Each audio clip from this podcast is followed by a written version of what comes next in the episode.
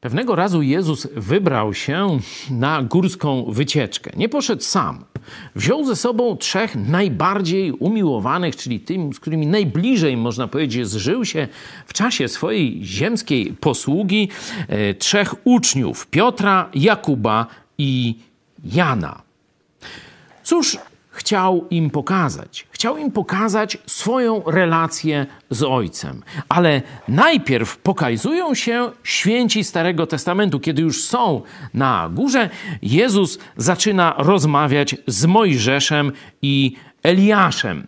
Widzą to jego uczniowie i tacy rozbawieni, już trochę zmęczeni, mówią tak: Panie, dobrze nam tu być. Jeśli chcesz, rozbiję tu trzy namioty. Dla ciebie jeden, dla Mojżesza jeden i dla Eliasza jeden. No to oczywiście apostoł Piotr zawsze był taki pierwszy wyrywny do głupoty, także i tym razem też się wyrwał. Ciekawy jest werset piąty, zobaczcie sobie Mateusz 17 rozdział.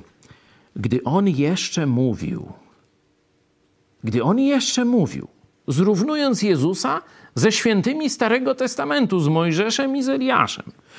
Oto okrył ich obłok i rozległ się głos.